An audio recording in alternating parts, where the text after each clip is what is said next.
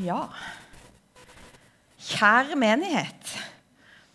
Jeg vet ikke hva dere Eller hva dere Jeg vet ikke hva dere føler nå, men jeg har en ørliten fornemmelse at vi er gift.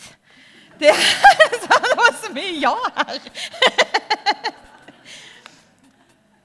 Men la meg få lov til å si takk igjen for at jeg fikk lov til å komme. Og takk for at dere sa ja i dag. Um, og så har jeg lyst til å si at um, Anne Margrethe, du sa at du håpet jeg skulle få mange gode år. Det håper jeg òg. Ja, det ser jeg fram til. Gode år sammen. Eh, med dere og, og Tromsø og alle, alle, de som ikke har kommet ennå. Ja. Nå skal jeg tale. Eh, jeg har altså ligget oppe i natt og omrokert på denne talen. Eh, fordi at jeg begynte ganske seint å tenke på en fortelling som jeg har i mitt liv, et vitnesbyrd, om du vil. Som jeg har fortalt noen ganger. Det er ikke, det er ikke nytt, men, men, det er fint. Så nå skal du få det. Det er nemlig sånn at eh, jeg har eh, Når jeg når jeg begynte å jobbe i menighet, det gjorde jeg jo i Kristiansand, så var det et litt sånn risikoprosjekt for meg. Fordi at jeg, jeg, hadde hatt en jobb. Jeg hadde faktisk jobba eh, godt over 100 eh, som, som sosionom. Og, og, så opplevde jeg på et tidspunkt Nå blir det en lang historie. Kort den så godt jeg kan. Eh, så opplevde jeg på et tidspunkt at nå, nå er det på tide å skifte jobb. Og den jobben som jeg tok, og som jeg opplevde meg leda til å ta, det var en 30% stilling i Salem misjonsmenighet, eller misjonskirke som det heter nå, som, barne, eller, nei, som ungdomsarbeider. Det hadde jeg ikke tenkt på forhånd at jeg skulle gjøre, men sånn ble det. Og så var det sånn at det å skifte jobb ifra, Det å skifte jobb var i utgangspunktet litt sånn krevende tanke for meg. Og det å skifte prosentstilling det var i hvert fall en krevende tanke. Og jeg hadde veldig mye sånn der Hvordan skal dette gå? Hvordan i verden skal jeg klare meg? Og så og så må du jo bare Jeg vet ikke hvordan dette lander i deg, men for meg var det sånn at jeg opplevde at Gud utfordra meg til å stole på ham.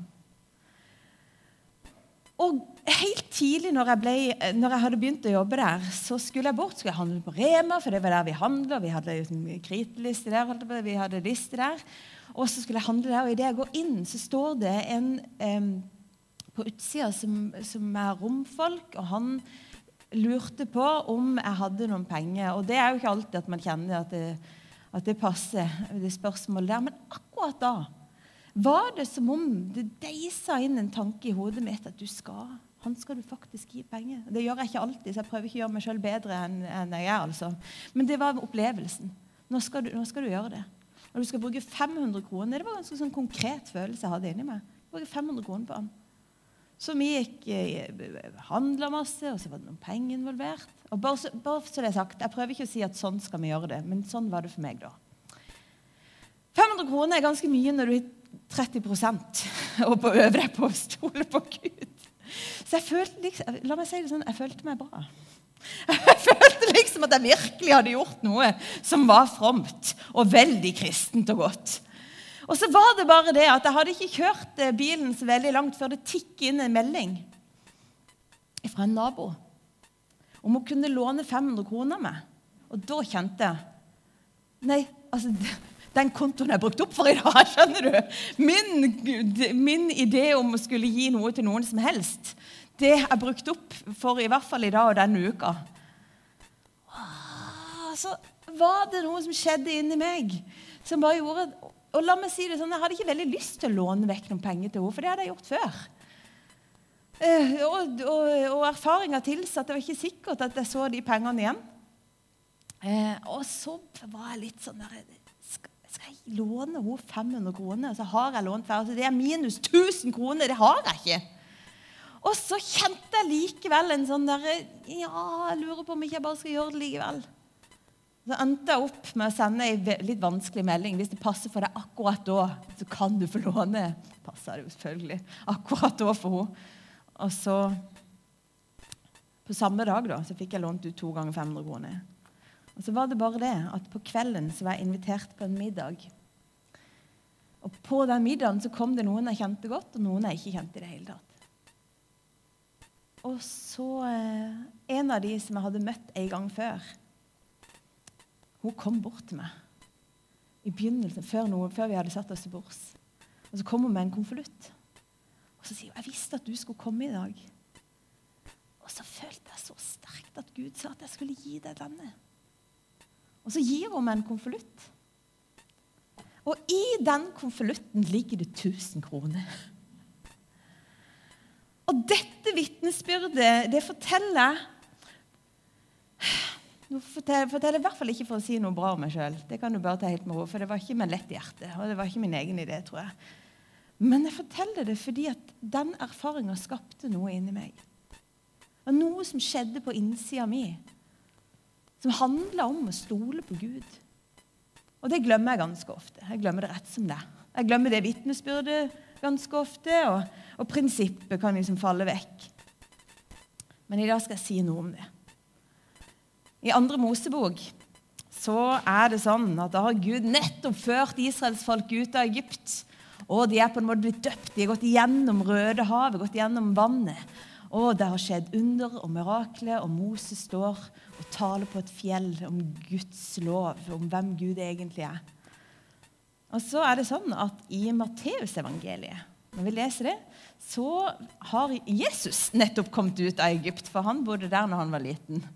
Og etter han så følger det masse undertegn og mirakler. Og så står han plutselig på et fjell. Og så åpenbarer han Guds vilje for folket. Og det kaller vi for bergpreken når vi skal lese derifra, fra Matteus kapittel 6. Derfor sier jeg dere, vær ikke bekymret for livet, hva dere skal spise, eller hva dere skal drikke. Heller ikke for kroppen er ikke livet mer enn maten? Og kroppen mer enn klærne? Se på fuglene under himmelen. De sår ikke, de høster ikke, og de samler ikke i hus. Men den far dere har i himmelen, gir dem føde likevel. Er ikke dere mer verdt enn de? Hvem av dere kan vel med all sin bekymring legge en eneste alen til sin livslengde? Og hvorfor er dere bekymret for klærne? Se på liljene på marken, hvordan de vokser. De strever ikke, de spinner ikke, men jeg sier dere, selv ikke Salomo i all sin prakt var kledd som en av dem. Når Gud kler gresset på marken så fint, det som gror i dag og kastes i ovnen i morgen, hvor mye mer skal han ikke da kle dere? dere lite troende. Så gjør dere ikke bekymringer, og ikke si 'hva skal vi spise', eller 'hva skal vi drikke', eller 'hva skal vi kle oss med'? Alt dette er hedningene opptatt av. Men den far dere har i himmelen, vet jo at dere trenger alt dette. Søk først Guds rike og hans rettferdighet. Så skal dere få alt det andre i tillegg. Så gjør dere ingen bekymring for morgendagen. Morgendagen skal bekymre seg for seg selv. Hver dag har nok med sin egen plage. Det er noe som er litt sånn både trøstende og provoserende med Jesus sine ord. Vi er i en serie som handler om det Jesus sa. For bekymra, det er vi vel alle. Jeg tipper at eh, alle som sitter her inne, har erfaring med å bekymre seg. Og noen gjør det i større grad enn andre. Det er liksom litt sånn forskjell på hva vi har anlegg for. Og så er det normalt å bekymre seg. Det er veldig, veldig vanlig. Og jeg har altså vært inne på Modum Bad sine hjemmesider og prøvd å finne en slags definisjon for du som, er, som tenker ja, hva, er, hva, er, bekymring. Hvis du tenker det, så kan vi godt snakkes etterpå, for jeg lurer på hvor, hvor godt du egentlig har det. Du må ha det fantastisk. Men bekymring er kjede av negative tanker. Og de tankene begynner ofte med 'hva hvis'? Eller tenk om. Og Sånn er det mange som har det. Kanskje er det sånn i korona spesielt. Hva hvis det ikke funker med firmaet? Hva med jobben? Hva hvis Hva hvis det ikke går med oppstart i barnehage, eller hva hvis det ikke går med skolen? Tenk om. Tenk om de ikke liker meg. Sånn har i hvert fall mange unge det. Og jeg tror kanskje at, at de som er litt eldre, bare er litt eldre. Tenk om de ikke liker meg. Tenk om de ikke går. Å bekymre seg er ganske vanlig. Det er ikke farlig, og det er noe vi alle gjør. Og du vet hva det er som pleier å nå ditt hode når det gjelder bekymring. Ja, noen tenker jeg har bekymra seg for menigheten. Skal dette gå bra? Tenk om det ikke kommer noen nye. Tenk om det ikke kommer noen på våre arrangementer. Tenk om vi ikke har noen den søndagen! Tenk om! Hæ? Hva skjer da? Det er normalt å bekymre seg, og samtidig så er det jo ikke noe godt. Det er jo greia med bekymring. At det tar mye plass i hodet. Og for noen tar det mye plass i følelsene. Og det kan sette seg i kroppen. Og plutselig så, så kan det bli en lidelse. Men som regel så er det vanlig bekymring. Det Jesus gjør når han sier 'vær ikke bekymra', det er at han tar for seg mat, drikke og klær. Hva er det egentlig han tar for seg? Han tar for seg det vi det livet består i. Mat og drikke er jo det som er basic. Mat og drikke er det du må ha til for å leve. Og Det kan jo være bekymring nok, og det var det jo fordi han snakka til. For dette var jo ikke alle der som hadde penger til mat neste dag. Det var mye fattigdom, og det er jo Jeg vet ikke om det er sånn at vi som er her, pleier å tenke 'har jeg mat i morgen'? Det kan heller være at vi tenker som Jesus sier 'hva skal vi spise'? Instagram vitner jo om det, at folk er opptatt av hva de spiser. Men er, det handler om det som er basic. Hvordan skal det gå? Hvordan skal det gå med vår økonomi? Hvordan skal det gå med vårt liv? Hvordan skal det gå med ekteskap? Hvordan skal det gå med barna? Hvordan skal det gå med vårt vennskap? Får vi ferie? Fins det noe hvileskjær? Og så er klærne, da. Hva er klærne for noe? Klærne er jo fasaden. Klærne er jo det som vi både smykker oss med, men òg som vi koser oss med. Altså, jeg har på meg mormor sine bukser. Det syns jeg var gøy i dag. At jeg kunne ta på meg mormor sine bukser. Og sånn er det med liksom det Klærne, huset, det nye badet, ferien Det som kanskje ikke er basic for å eksistere, men som likevel betyr noe for oss. Jesus tar på en måte det opp og så sier han eh, Ikke vær bekymra for det. Ikke la det okkupere hjernen din.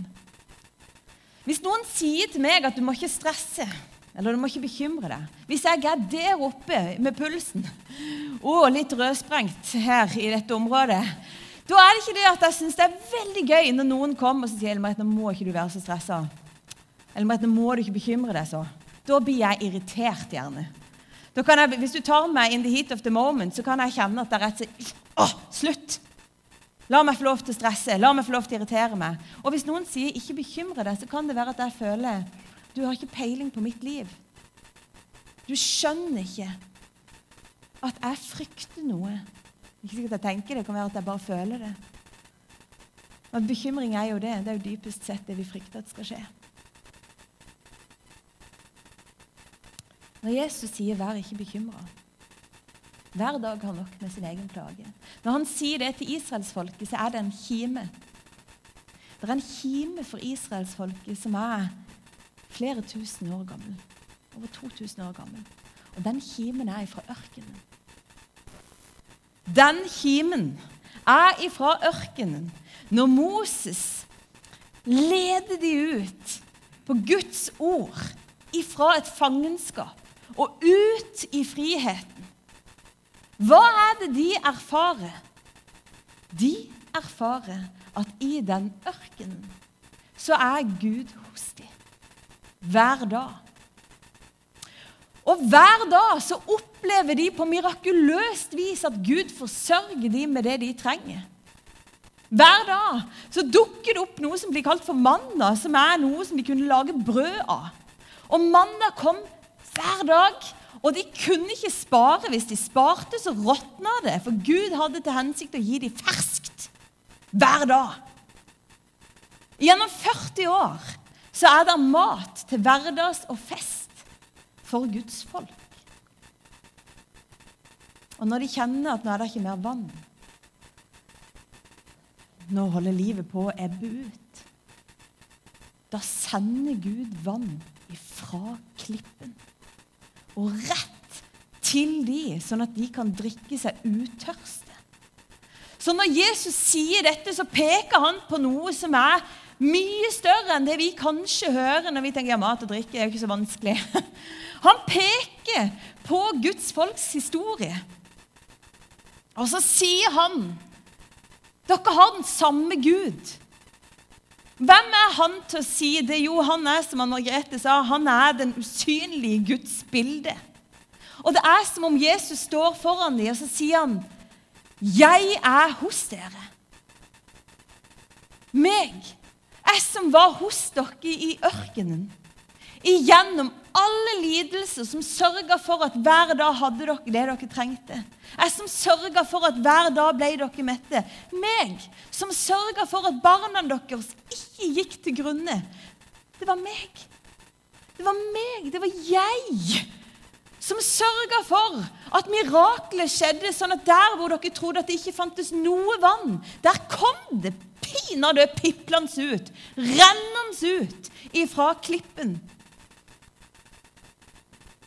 Det er som om Jesus sier, 'Vet dere ikke hvem jeg er?' Vet dere ikke hvem dere får lov til å leve sammen med? Vet dere ikke hvem det er som vi sang, som er overshadowing? Som dekker hele livet ditt? Jeg er den samme. Jeg går i dag til evig tid. Jeg er han som sørger for deg. Som du som kjenner på at det er lett å tenke på alt som er vanskelig. Han som fra tidenes morgen har vært. Han som skapte himmel og jord. Han som ga israelsfolket i ørkenen, og sånn kan jo livet være. Alt det de trengte for å leve et fullverdig liv. Han er hos deg. Jesus er hos deg. Gud selv er hos deg, og han er hos deg ved sin ånd. Og det står at ånden vil gi råd, han vil tale, han vil lede. Han vil fylle. Han er den som er kilden til glede. Han er den som er kilden til liv. For israelsfolket var det sånn at veien gjennom ørkenen når, når, Moses talte Guds ord til dem, så var det veien til frihet. Og når Jesus taler, så er det det samme til oss. Det er veien til frihet. Så når han sier 'vær ikke bekymra', så sier han det med tyngde fordi at han er Gud. Og så sier han det til oss fordi at det er veien til vår frihet. Det er veien til et liv i frihet og i hvile. Og det er jo ikke så sikkert at du alltid tenker at livet er hvile. Nei, for det er det jo ikke, for sånn ser ikke dagene alltid ut. Men vi kan gå med hvilepuls. Hvordan står vi imot? Hvordan står vi imot det Jesus sier? Nei, unnskyld, ikke mot det Jesus sier. Hvordan står vi imot bekymringene? Det var det jeg skulle si. Stryk det første. Hvordan står vi imot bekymringer? Jeg tror at svaret på det er at vi velger tillit. Og det er et stadig valg. Når Jesus sier 'dere lite troende', og når jeg leser de ordene der, så har jeg mange ganger en sånn følelse av 'Jesus, din frekking'. Her har de fulgt deg ut, og de sitter og hører på deg, og de gjør, du, de gjør mye av det du sier. Og så sier du til dem at de har lite tro, men kanskje det Jesus egentlig sier, at dere må ha mer tillit. Dere kan stole på meg. Hvordan gjør vi det? Jo, vi søker først Guds rike. Vi går til Han først. Vi går til Han først, Han som fyller alt i alle. Og så står det at vi skal få alt det andre i tillegg. Og er det noe jeg har tenkt, så er det at alt det andre Etter at jeg har vært hos Jesus, så er det ikke sikkert at jeg ønsker meg det samme som jeg gjorde før jeg gikk til Jesus. Men jeg får det jeg trenger. Nå skal jeg avslutte. Jeg tenkte på det, og snakka med min søster litt om det med liljene på marken. For det er jo sånn at livene våre ser ikke altså Mitt liv ser i hvert fall ikke ut som en lilje på marken. For det første så er det ikke alltid så vakkert. Jeg er ikke alltid så vakker. Det vil du Hva skal jeg si om det? Livet er ikke alltid så vakkert. Og jeg står ikke alltid så stille som en lilje gjør. Lilja hun står der liksom bare og blomstrer, og det gjør i hvert fall ikke jeg alltid. Jeg virrer rundt. og det skjer liksom det ene og det andre og det tredje. Og så, og så, er det bare det at jeg tror I motsetning til Lilja så beveger vi oss ganske mye. Men jeg tror at vi kan erfare at inni her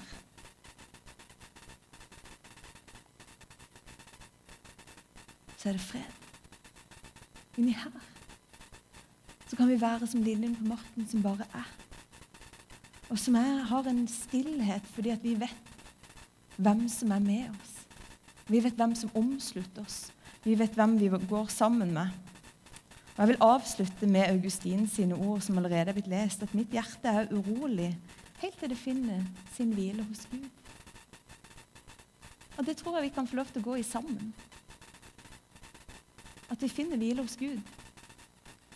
Og jeg tror at vi skal hjelpe hverandre til det stedet og til å leve sånn ut ifra den hvilen som Han gir skal vi be.